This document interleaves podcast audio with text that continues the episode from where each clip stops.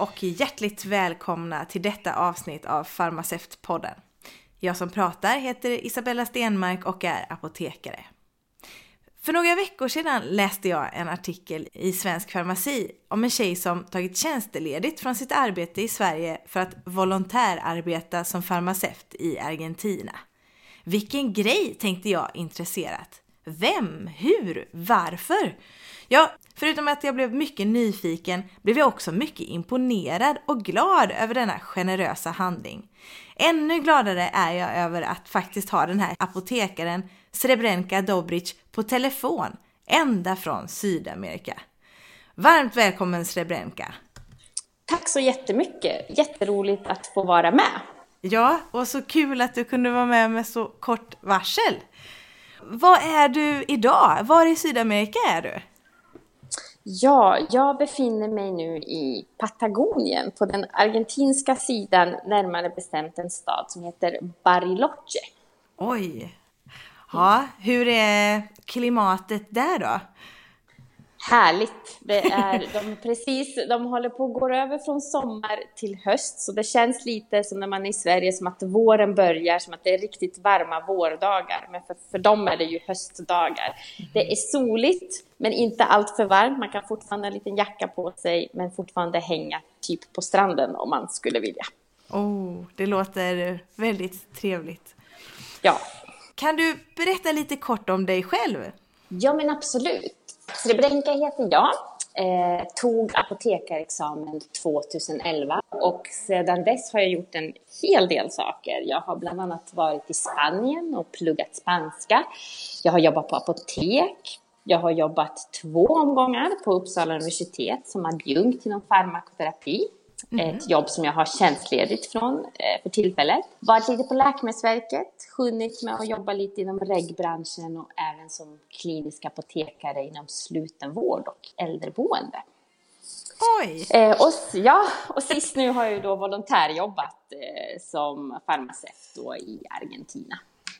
Oh, wow! Vad många roliga ja. grejer jag har kunnat fråga dig om här känner jag. Det var många ja. saker på ditt, på ditt CV som är spännande. Vi får ha fler avsnitt i sådana fall. Ja, ja precis. precis. Ja. Och hur kommer det sig att du valde att bli farmaceut? Ja, det är en intressant fråga, för det är ingenting jag har planerat, utan mm. jag visste och vet kanske lite fortfarande inte vad jag vill, vad jag vill bli. Eh, så jag valde nog apotekare för att det var ett så brett yrke. Man kunde jobba med många olika saker och jag tycker att jag har jag, har, ja, men jag tycker att jag är ganska bra exempel på det. Jag har jobbat inom många olika branscher och det finns många fler att prova på tror jag. Så jag är väldigt nöjd med det valet för det ger så många möjligheter. Ja, verkligen. Mm. Vad har varit eh, roligast då? Av alla de här eh, olika rollerna du har haft eh, som apotekare? Mm. Åh, det var svårt. Jag tror att varje, jo, men varje jobb har ju sitt skärm. Mm. Eh, men jag måste nog säga att jag har tyckt nog att det varit mest roligt att jobba när jag har haft kontakt med människor. Mm. Eh, och framförallt äldre människor. Mitt hjärta klappar lite extra för dem. Så mm. kanske apotek och eh, när jag jobbade som klinisk apotekare när jag fick träffa många för, förvisso väldigt sjuka människor, men mm. eh, äldre människor när jag gjorde läkemedelsgenomgångar. Det var, ja, det berörde mycket. Det liksom stannade kvar. Eller det mm. stannat kvar liksom som en sån här, man gjorde någonting för dem och de blev glada av det. Ja, ja mm. fint. Mm. Och, och du har ju nyligen då volontärarbetat i Argentina. Eh, hur kommer det sig och hur fick du det ja, jobbet? Mm. Ja, volontärjobb är ju någonting jag har, det har jag däremot planerat länge, mm. hela mitt liv höll jag på att säga, men mm. inte riktigt. Men sen jag gick ut apotekarprogrammet, jag blev klar, så jag tänkt att jag gärna skulle volontärjobba med någonting, med vad som helst. Det kunde vara allt från att hjälpa till i ett kök till kanske vet inte, mata djur i en djurpark. Mm. Um, och sen efter jag hade varit i Spanien och lärt mig spanska så jobbade jag ganska hårt med att liksom behålla språket. Mm. Och då tänkte jag, ja, men volontärjobba i Sydamerika, det är någonting jag borde göra, för att jag kan spanska. Så då började jag leta efter diverse olika volontäruppdrag och det finns ju hur mycket som helst. Jaha. Men så var det, ja, om man vill göra, om man kan tänka sig göra vad som helst så finns det väldigt mycket. Aha, Men sen så när jag började fundera lite mer, lite mer allvarligt, eh, så var det någon bekant som sa det kanske är smart att göra det inom professionen. Om du nu ändå ska ta tjänstledigt från jobbet och ja, men du vet. Eh, Och då tänkte jag, men det låter väl bra, för då kan jag både jag utvecklas och kanske ge någonting tillbaka på ett mycket mer, kanske djupare, liksom, inte djupare plan, men liksom, jag kan ju apotekare, det är där vad jag kan liksom. Jag är ju, jag kan läkemedel, då kanske jag kan bidra lite mer. Eh, och det var inte alls lätt att hitta. Jag, tog, jag tror att jag skrev kanske över 50 mejl per månad när jag började läsa och tog kontakt med olika typer av organisationer, både inom de sydamerikanska länderna, men även via svenska organisationer och danska och norska och i USA till och med. Oj! Ja, det finns ju väldigt mycket sånt här som, som man brukar kalla för voluntourism.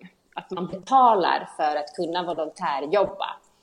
Eh, och det var ingenting som, som lockade mig, utan jag ville gå dit och jag ville, liksom, jag ville inte betala för att vara där. Och då kom jag över till slut, efter många letande, över Farmaceuter utan gränser i Argentina, som inte svarade till mig till en början.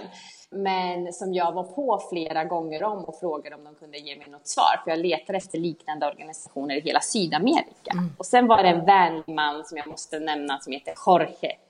Som hörde av sig till mig, som är med i styrelsen för Farmaceuter utan gränser i Argentina. Och sa att de har ju flera humanitära projekt inom landet. Och så nämnde han ett projekt som heter Proyectos Chronicos som är då för patienter som har en kronisk sjuk, kroniska sjukdomar och i det här fallet diabetes typ 2 och eh, högt blodtryck. Och han nämnde att de har ett projekt där de delar ut läkemedel i små byar där tillgång på dessa läkemedel är bristfällig men det är också byar där många människor inte har råd att köpa läkemedel om de tvingas då behöva gå till apoteket för att köpa dem för att det inte finns på vårdcentralen. Och Då tänkte jag äntligen någonting. jag bara ja, det tar jag. Eh, så det var på den vägen, via kontakt med honom, som han introducerade mig då till byn Tres i Slättas, där jag var.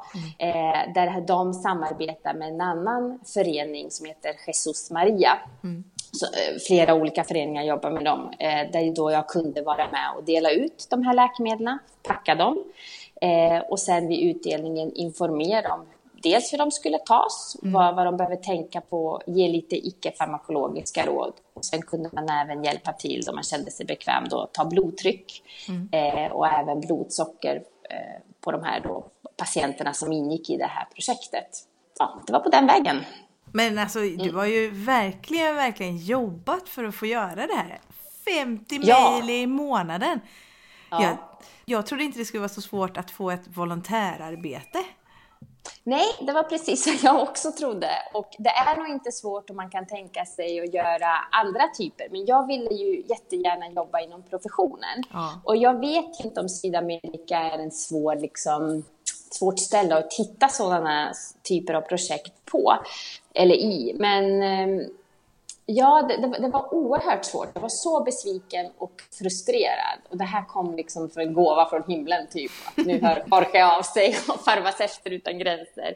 Så jag har verkligen jobbat för det och jag tänkte det här ska bli av. Jag, det, här må, det måste finnas någonting någonstans. Skam den som ger sig som jag brukar säga. Exakt! Men hur, hur lång tid tog det då innan du hittade det här projektet? Jag började leta allvarligt kanske i ett år innan. Okej. Och det löste sig. Jag har en rolig historia liksom vid sidan av. För att Ja. jag var ganska inställd på att jag skulle till Colombia. Eh, och hade hittat en kontakt där via en man som jag träffade på Kuba. Som kände till vissa människor som jobbade i hälso och sjukvårdssystemet i Colombia. Eh, och där fick jag en, ett, en uppgift, eller jag fick en position på ett sjukhus, ett statligt sjukhus där. Men sen när jag skulle, när, när, jag hade köpt biljetter till Colombia och allting, men när Aha. jag skulle iväg dit så visade det sig att man behövde ett eh, visum för volontärjobb och det var inget problem, trodde jag. Men de ville inte skriva på det papper som de behövde skriva på för att jag skulle få det här visumet. Nej. Och det var bland annat att jag garanterade att jag själv bekostade min resa, att jag hade försäkring om någonting skulle hända mig. Men det var, de var inte så sugna på det. Mm. Eh, så då fick jag i panik liksom, ja, skicka 50 mejl om, om, per månad igen då. Och då lastade sig det här med Argentina. Och varför ville du volontärarbeta? Ja, jag tycker om jag tycker om att utmana mig själv. Jag tycker om att prova nya saker. Och jag har länge funderat på att jag vill, jag vill testa på hur det är att vara kanske i ett ställe där man inte är så privilegierad som man kanske är eh, i Sverige, som, mm. som jag uppfattar att jag är. Och jag ville testa hur, för jag har läst mycket om Läkare utan gränser och tittat på många olika typer av dokumentärer där man genomför sådana här humanitära projekt. Och där, jag ville testa och se om jag, om jag kunde fixa det. Om, och det, det här var helt, ja, men både intresse och se om jag kunde fixa det och se om man verkligen kunde bidra med någonting, för jag var skeptisk till det. Ja, så fint motiv tycker jag. Att du har liksom lagt ner så mycket tid och din fritid och ja, som jag förstår då också kanske privata resurser för att åka iväg. Mm, mm. precis så. Det, det, är ju ett oerhört fint eh, motiv. Ja, tack. Men just nu volontärarbetar du inte va? Nej, utan jag åkte dit i november. Precis ja. i första veckan i november, andra november tror jag jag kom dit. Efter en lång resa och stannade där i två månader. Så strax innan jul, typ en dag eller två dagar innan jul, så avslutade jag mina veckor där, så, så att säga. Okej, okay. så mm. ungefär två månader då? Ja, stämmer bra. Och om du ska beskriva, vad, vad fick du göra för någonting? Ja, förutom det här projektet som Farmaceuter utan gränser hade då, ja. eh, det här med att förbereda de här läkemedlen och dela ut dem och se till att de här patienterna kom och hämtade dem och informera, mm. eh, så var det ganska fritt. Och jag fick lite panik när jag kom dit för att med hjälp av den här andra föreningen, Jesus Maria, som mm. Farmaceuter utan gränser i Argentina hade kontakt med, så försökte jag då hitta olika typer av mm. arbetsuppgifter där jag kunde vara en tillgång till dem. Mm. Så då fick jag vara på vårdcentralen där eh, och titta lite på deras läkemedelsförråd. Och det var väl planer på att vi skulle omorganisera det hela, men eh, det gick inte riktigt hem för att dels, eh, det är en annan typ av kultur, de har en annan typ av regler och de har väldigt mycket svinn. Det fungerar så här i Argentina att alla läkemedel är gratis på statliga vårdcentraler och det här var en mm. sådan vårdcentral, en statlig ägd. Eh, problemet är att Argentina är ett oerhört stort land. De har dessutom en ekonomisk kris just nu, en av många. Och det gör att alla läkemedel inte når alla provinser. Och där jag var, i Chaco i norra Argentina, så många argentinare som jag mött säger att det är en bortglömd del av Argentina. Det är en av de fattigaste provinserna och folk lever under väldigt svåra omständigheter där. Många har inte rinnande vatten Oj. eller el. Och då hör man ju väldigt snart att, eh, att de har knappt råd, varken sig med mat eller kanske att köpa mediciner som de inte kan få gratis på vårdcentralen. Så när medicinerna inte finns så hänvisas de till privata apotek och då måste de betala för de här mm. medicinerna och det har de inte råd med. Nej. Och vad som hände då på, på vårdcentralen är att de kanske har väldigt mycket av, vad vet jag, en typ eh, av jättemycket simvastatin, säger vi 20 mm. milligram. Men en läkare har förskrivit atorvastatin mm. till exempel, 40 milligram. Och då försökte jag hitta, men kan vi, kan vi försöka göra så att patienten ändå går hem med ett läkemedel? Finns det något utbyte vi kan göra, ekvivalenta mm. doser av det läkemedel som man kunde göra så med? Eh, så där försökte vi och då gjorde jag, försökte jag hitta pålitliga källor. Men sen ville de ju också organisera det här läkemedelsförrådet och jag ville ju ha det genom ATC-koderna. Men de har det i alfabetisk ja. ordning. Och så har de en vägg som är donationer från privata företag eller privata vårdcentraler och vad vet jag. Och sen en vägg från statliga. Och det, enligt mig är det röra, men det tycks fungera för dem. Eh, och jag bara, men ska vi göra en Excel-fil över vad vi har så att ni kan liksom som en inventering, vad har vi, hur mycket har vi, för att just underlätta kommunikationen mellan läkare som förskriver och de som då mm. faktiskt ger ut. Men ja, det här projektet blev inte riktigt av. Eh, så när jag kämpade på med det så kom jag på att de har ett äldreboende också och då sa en av de här ansvariga på Jesus Maria föreningen skulle du kunna titta på vad de har för läkemedel? Och tänkte ja men läkemedelsgenomgångar mm. det kan jag ju så då kör jag det. Eh, så det var precis vad jag gjorde då. då. Resten av tiden, förutom att vara lite på vårdcentralen, så gjorde jag läkemedelsgenomgångar på 30 personer på det här äldreboendet då. Och eh, försökte involvera en lokal farmaceut, för jag ville Dels behövde jag ju lite hjälp med språket, även om jag kan flytande mm. spanska så du vet ju hur det är när man inte, när man inte kan det som mm. barnsben. Liksom. Det är svårt att hänga med alltid. Och sen också för att jag ville att det skulle bli långsiktigt och kanske även för att få lite mm. förtroende. För att kommer man ut utomstående så du vet, folk är mm. nyfikna men lite mm. försiktiga. Och har man med sig någon lokal resurs brukar det gå lättare. Och det gick toppen. Vad roligt! ja. Och en, en läkemedelsgenomgång för om inte alla är bekanta med det. Vad, vad är det du tittar på eh, i första hand? Liksom, vad gör man då? Ja, men då dels så tittar man, i det här fallet, nu pratar mm. jag om det här fallet, så tittar man ju på om det är förskrivna läkemedel eller det läkemedel som patienten tar, dels om de mm. verkligen tar dem, och det gjorde de ju på mm. äldreboende för att de fick det ju utdelat och tittade så att de tog. Eh, men också att man tittar på om det är en adekvat mm. läkemedelsbehandling. Är det något som är överbehandlat och är det något som är mm. underbehandlat och är det något som bidrar till biverkningar som gör att man kan justera dosen? Eller även till och med justera dosen efter ja, funktion.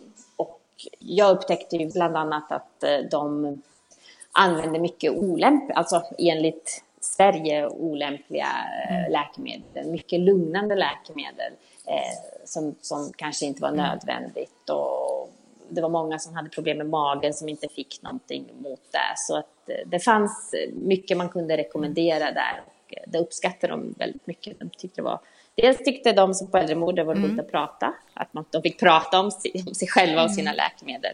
Men sjuksköterskorna som var där och läkaren tyckte att det var mm. väldigt kul.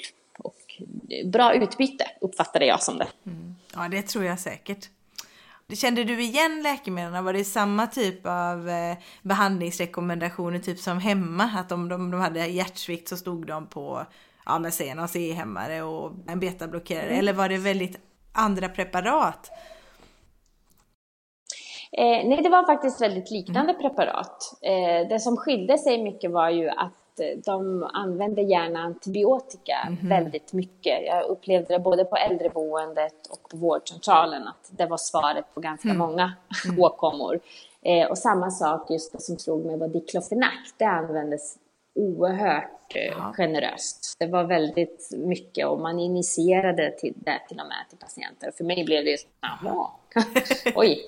Eh, jo men precis, och mycket mm. lugnande. Clonazepam var en sån här grej som man använde Aha. till allt och alla i, i tid och otid i, enligt. Ja, ja, ja. Det är ju en mm. observation, så, mm. det, så kan det ju få vara. Ja, precis. Aha. Hur tycker du att dina farmaceutiska färdigheter kom till användning allra bäst då? Jo, men det måste jag säga. Dels för att förutsättningarna där är ju inte som hemma. De saknar ju väldigt mycket basal teknik mm. där. Det är också brist på läkare och just bristen på vissa läkemedel gör att de inte kan mm. bota allting eller symptomlindra. Eh, men sen just tänkte jag på det här att jag hade liksom, internet var ju inte någonting att prata om heller för den delen. Eh, så jag kände verkligen att jag fick liksom använda mycket min, min mm. logik av det jag hade lärt mig. När de frågade, Åh, men kan man, vad vet jag, krossa eller blanda det här? Och så fick jag ju tänka, okej, okay, vad, vad, är det här för typ av grupp av läkemedel och hur brukar de bete sig av det jag kunde liksom mm. i minnet? Nu förespråkar jag inte att man ska kunna allt utan till. men jag kände verkligen att jag fick liksom använda det jag hade lärt mig och fick lite förtroende för mig själv, att jag kan mm. nog ganska mycket. Eh, men sen måste jag också säga att jag fick användning väldigt mycket för mina kemikunskaper. Mm. För att när, mellan där så hjälpte jag till i den här föreningen, Jesus Maria, hade mm. ett bibliotek som hjälpte då eh, ungdomar som gick i högstadiet mm. och gymnasiet med läxor som behövde extra stöd för det. Och då fick jag hjälpa till väldigt mycket med kemi mm. och matte. Så där fick jag använda många kemikunskaper som jag trodde var helt förlegade och bortglömda. Eh, på, på spanska till och med. Så det, det var jätteroligt. Ja, det förstår jag. Och jag gillar hur du beskriver det här att man eller för ibland så tror jag man glömmer av att man kan så mycket. Det är så lätt att klicka in sig på FASS och det är så lätt att öppna upp Janus med. Ja. Och, men egentligen, vi kan ju väldigt mycket. Mm. Eh, bara vi liksom får lov ja. att tänka efter. Exakt. Ja, jag är fortfarande väldigt här eh, ja, imponerad. Ja, jag tycker du är inspirerande framförallt. Vilken grej! ja, vad roligt att höra. Tack! Mm. Och just det, det här undrar jag också. De här eh, förråden som du beskrev, eller det här eh, läkemedelsrummet. Mm. Jobbade de på samma sätt lika nitiskt med typ hållbarhet och sådär som jag kan uppleva att man gör hemma i Sverige? De gör ju någon sorts typ av inventering. Det intressanta på den här vårdcentralen mm. där jag var och som det verkar vara när jag har pratat med folk på många små ställen mm. i Argentina. Att egentligen, de har ett apotek mm. så att säga. Men det är ingen farmaceut där. Va? Ja, det är det som är så intressant. Utan det är någon person, oftast kanske sjuksköterska eller någon som de anställer extra, för det är brist på sjuksköterskor och läkare, de behöver göra andra saker, som då liksom sköter det här förrådet och ger ut medicinerna. Så det jag förvånades mest över, dels att det var huller om buller ja. i förrådet, men som sagt, allt funkar ju ändå. Allt mm. flyter ju på ändå, liksom. det är ju ingen Nej. som dör, eller ja, det är ingen katastrof så. Utan det är mm. deras system. Ehm, men det jag funderade på var väldigt mycket att många fick ju läkemedel. Jag fick ju också följa med mm. läkare för att få ihop det här. Så upplevde jag att patienterna många gånger varken sig blev informerade över vad de hade för åkomma. Eh, och sen när de sa ta de här medicinerna så förklarade varken sig läkaren, sjuksköterskan eller den här personen då som till slut gav dem det här läkemedlet. Och det kände jag oh, det fick jag lite mm. ont i magen av. Och det här handlar ju oftast om människor i den här fattigare delen mm. av byn. Eh, som, de kan inte läsa. De förlitar ju sig helt och hållet på att de här personerna som jobbar på vårdcentralen ska ge dem det bästa vård de kan utifrån de förutsättningar mm. de har. Och eh, att inte ens förklara, det kände jag, det gjorde både ont i hjärtat och mm. jag fick ont i magen av det. Och då är det klart att det kan leda till det ena och det andra. Och även om det till slut blir bra så känner jag att varje patient har ju ändå rätt att få veta vad det är man tar, varför och hur man ska mm. göra. Um, så det upplevde jag kanske var den st största uh, skillnaden. Mm. Men eh, när du beskriver att man delar ut mm. liksom eh, påsar eh, med mediciner och, och eh, patienterna då i vissa fall inte kan läsa. Alltså var det liksom delat i en dosett då eller fick de burkar eller hur höll de själva ordning på det? På vårdcentralen då får de ju bara ett vanlig, vanlig kartong med det som är förskrivet om den fanns överhuvudtaget. Och så sa de bara här och så ta den, typ. Och så förutsatte man väl att läkaren eller sjuksköterskan hade berättat hur man skulle göra. Men sen eh, i de projekten för Farmaceuter utan gränser så tog man ju sig verkligen tid att mm. prata med de här människorna. Där var det ju exakt packat att man fick 30 tabletter eh, för en månad om man nu tog en mm. tablett om dagen mot högt blodtryck. Så man fick bara de här 30 tabletterna. Och så beskrev man dels vad det var för preparat, hur det skulle användas och varför det var mot det man hade en helt annan typ av tidsspann kan jag tänka mig, att prata med de här patienterna än vad de här mm. läkarna har. Eh, det kommer ju hur många som helst, det är överfullt i väntsalarna. Och när jag var med där en gång så var det en läkare som precis hade haft jour hela natten som kom dit och skulle jobba hela dagen och hon var ju ja. supertrött. Och så skulle hon ta emot de här 50 patienterna liksom på fyra Oj. timmar. Så förutsättningarna är inte de, de bästa. Eh, varken sig kanske för de som utövar hälso och sjukvårdsyrket och sen de som får ta emot det. Nej. Tyvärr. Men det kan vara bra ibland också att vidga sina vyer lite grann för då förstår man hur bra man har det eller åtminstone vilka förutsättningar man har hemma. Jo, men precis. Och det är någonting jag har uppskattat. Många brukar fråga så här, men vad, vad är det du mm. har lärt dig av det här? Eller lärt, eller vad är det liksom mm. du har mm. fått med dig? Så det första jag kommer på, men gud, jag är så himla, himla glad över att jag bor i ett välfungerande mm. land. Ja. Med, med god kvalitet på hälso och sjukvård, helt enkelt. Mm. Och eh, när du delade ut läkemedel och var på den här vårdcentralen, vad för typ av människor mötte du? Var det äldre eller var det blandat? Ja, på äldreboendet var det ju äldre. Men på vårdcentralen och när vi delade ut läkemedel inom det här projektet som Farmaceuter utan gränser i Argentina har, mm. så slogs jag av att det var så många unga folk i 30-årsåldern, 40-årsåldern som hade diabetes och högt blodtryck. Mm. Eh, och eh, många av dem, inte nog med att de hade den här diagnosen, men många av dem hade, kanske inte inom det här projektet, men jag förstod det som att många av de här människorna, diabetesen är så pass illa behandlad att de har fått amputera ben på grund av en behandling som inte har fungerat eller som inte är kontinuerlig. Mm. Så den här föreningen, Jesus Maria, som har samarbete med Farmaceuter utan gränser i Argentina, de gör ju så att eh, det kommer andra humanitära insatser och gjuter och gör proteser åt de här människorna som mm. behöver det. Och jag fick vara med och titta på det eh, en dag och, och frågade dem vad är, vad, är den, vad är anledningen till att det är så många unga som saknar ben eller så. Och då, jag trodde det var trafikolyckor, mm. men de sa att det är diabetes. Mm. Och det var för mig väldigt främmande mm. eh, och en tankeställare. Så ska det inte behöva vara. Nej, nej, det, nej precis.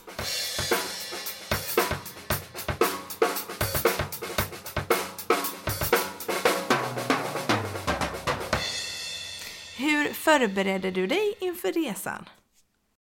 Ja, alltså dels så läste jag på rätt mycket, för de har ju andra typer av problem där, förutom just det här, det kommer jag in på senare, högt blodtryck, diabetes och allt som vi är vana vid hemma också. De har ju mycket dengue, feber till exempel, ja, myggor. Eh, de har ju något som heter Chagas sjukdom också, ja. parasit. Eh, och ibland har de malaria, även om Argentina är officiellt malariafritt. Så sådana här olika typer av tropiska sjukdomar så läste jag ganska mycket om för att liksom, om det skulle komma sådana frågor så ville jag ju kunna bemöta dem.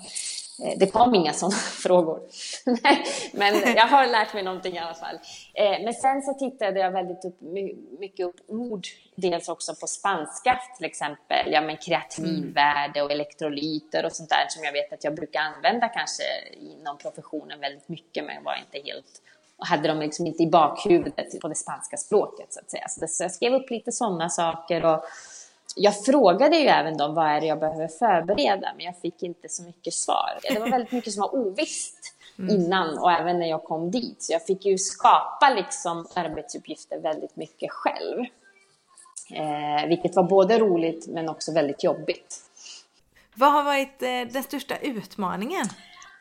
Eh, inom professionen, eller liksom som, som en professionell apotekare där så har den största utmaningen varit att liksom inte, inte trampa på någons tår. De har varit så himla gästvänliga och välkomnande.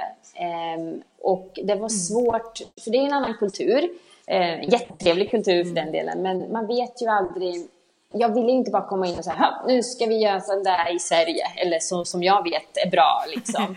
Och det märktes väldigt mm. snabbt att man fick vara lite försiktig och det var därför jag också engagerade den här lokala farmaceuten. För att dels få lite stöd och för mm. liksom få in lite inkörsportar för att se vad man kan göra.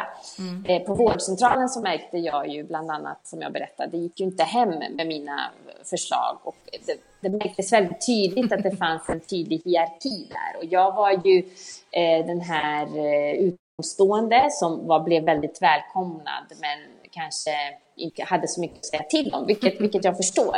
Mm. Eh, och jag, de hade också ordnat ett möte eh, för mig med sjukhusdirektören. De har ett sjukhus där också som mm. jag skulle till och så tänkte jag, gud vad spännande, nu kan vi få prata med, hur kan de använda min kunskap, var kan jag hjälpa till? Mm. Alltså jag var ju så här på överexalterad och han dök inte upp. Nej. Eh, nej, så att så det har varit den största utmaningen. Man ville liksom inte vara för på, men man ville ändå hjälpa och jag ville ändå försöka göra både det givande för mig och mm. för dem. Och det var svårt att hitta en balans där, men jag tror att jag lyckades till slut. Men det var, det var tufft.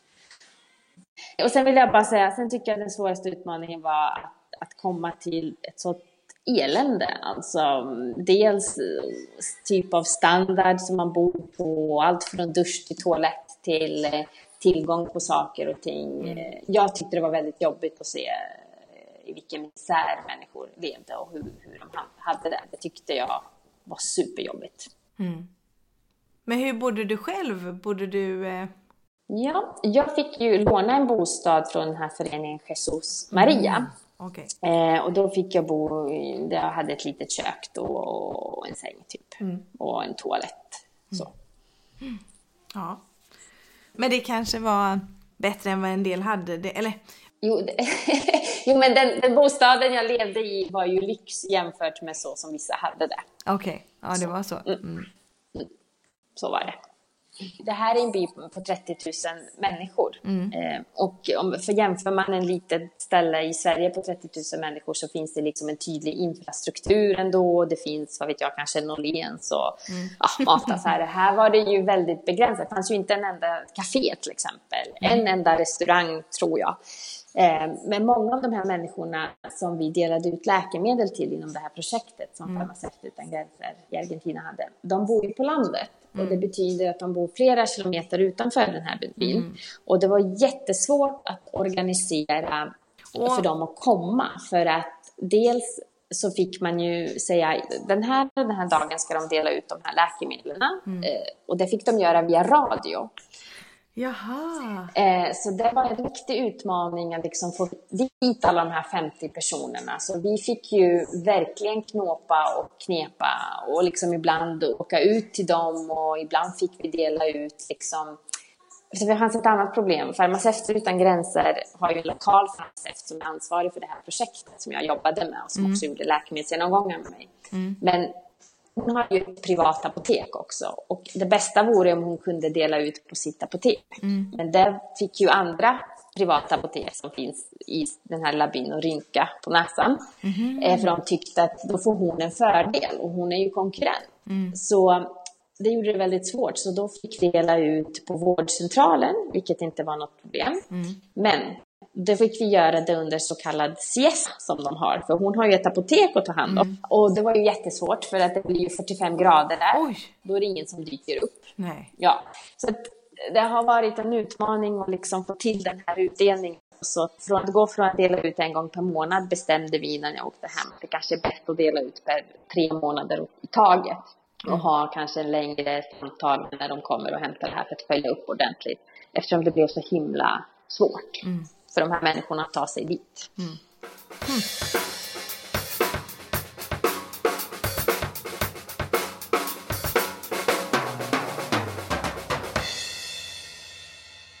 Och du har ju styrt upp det här volontärarbetet själv. Men har du fått några bidrag eller kompensation eller har du fått något stipendium liksom som Ja, jag sökte ju stipendium via Apotekarsocieteten eh, och fick det en ganska generös summa som jag tacksamt tog emot. Det var ett trevligt tillskott och gjorde det möjligt. Mm. Ja, vad bra. För det, Apotekarsocieteten ska man ju inte glömma för de är ju väldigt eh, generösa faktiskt om man väl tar sig tid och frågar.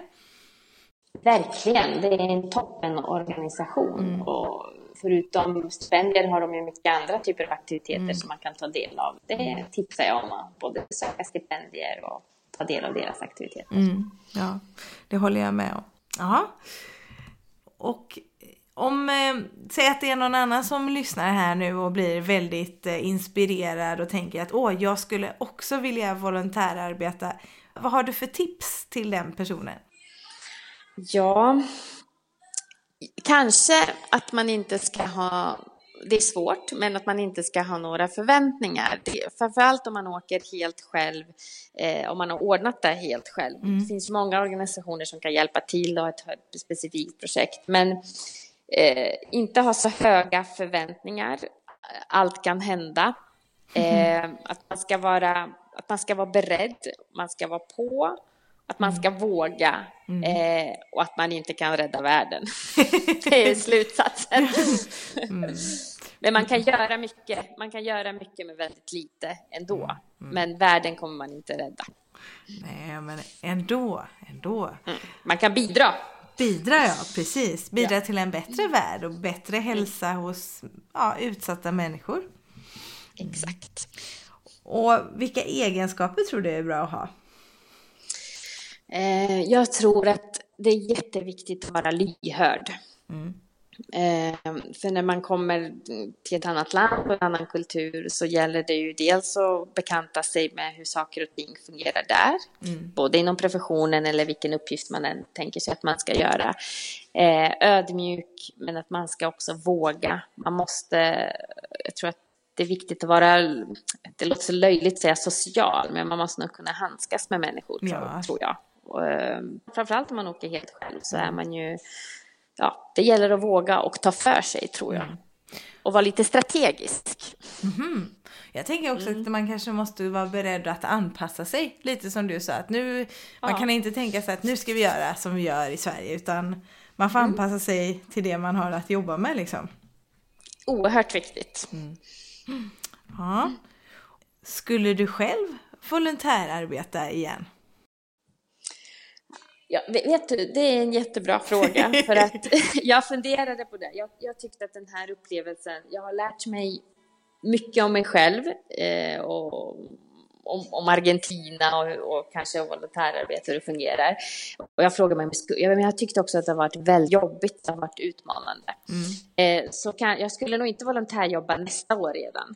Men eh, definitivt igen, det skulle jag veta, för jag tror att jag skulle ha lite mer kött på benen liksom och kanske handskas med, hantera de här olika situationerna lite lättare. Jag blev så oerhört påverkad av, av misären som folk mm. lever i. Och eh, ja, jag tyckte det var oerhört jobbigt. Mm. Och det är nog svårt att föreställa sig det där, alltså en, en sån misär som du försöker beskriva. Mm. Mm, men det är det och det, jag trodde att jag, men jag har läst på, jag vet och jag mm. kan och man har ju sett liksom, man har ju tv och tillgång till allt möjligt. Man kan ju alltså, mm. eh, se hur det är, men inte förrän man är där och nu har inte jag upplevt det själv, men kanske prata med människor som har det där så eh, förstår man nog inte. Nej. Men jag tänker, förutom alla de här eh, tunga insikterna så du, tar du med dig någonting som är eh, positivt också. oh ja, jo men eh, framförallt att uppskatta dels kanske det man har, men att man kan, eh, de var ju också som jag sa, mitt, för mig var ju allt kaos, men mm. allting fungerar ju ändå. Mm. Mm. Eh, och det var, det var väldigt fascinerande för mig att, att både se och uppleva och och att det fanns en livsglädje. Mm. Och också det här jag sa att man med, med, så lite, bara genom att jag fick, att vi pratade med dem och gav mm. dem en lite extra information än vad de hade fått kanske om de var på vårdcentralen för det var så stressigt där. Eh, så uppskattar de så oerhört och det, det, det ger både mycket till liksom den som utför det här arbetet men även de som får ta emot av den här mm. gärningen. Det mm. var, det var det stannar liksom i hjärtat. Ja, ja. Mm. Ja, jag är eh, mycket imponerad och inspirerad eh, av dina insatser och jag Ja, det är helt fantastiskt att du har liksom tagit av din egen tid och givit av din egen kunskap och liksom försökt verkligen förbättra livet för andra människor och förbättra deras förutsättning till en god hälsa och en god vård. Eh, jätteroligt att du ville vara med i Farmaceutpodden. Tack så mycket. Tusen tack för att jag fick vara med. Det var jätteroligt. Ja, ja, det är självklart. Och jag tycker det är jätte, jag är jätteavundsjuk också att du är i Sydamerika, det ska du veta. Nu när du kanske reser och får göra lite mer vad du själv vill. ja men precis, det är trev, trevliga länder att resa omkring i. Och jag tänkte också bara snabbt lägga till om farmaceuter utan gränser i Argentina är oerhört pigga på att samarbeta. Så om någon som lyssnar på det här, kanske du själv som, som också har den här podden, är sugen så finns det ja, möjligheter till, till att åka hit. De har många olika typer av projekt. Så... Vad roligt. Ja, men mm. det får vi... Eh, vi kanske kan eh, lägga ut någon slags eh, e-postadress eller någon ja. hemsidaadress i samband med att vi släpper detta. Absolut. Så tack Srebrenka, verkligen att du har velat vara med. Tack till alla er som har lyssnat. Glöm inte att följa Farmaceutpodden på Instagram eller Facebook och gillade du avsnittet, dela det. Tills vi hörs igen så får ni ha det så bra. Hej då! Hej då!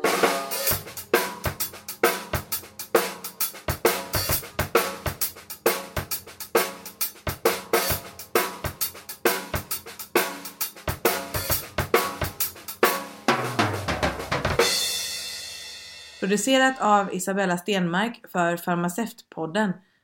Trummor Fredrik Podgorski.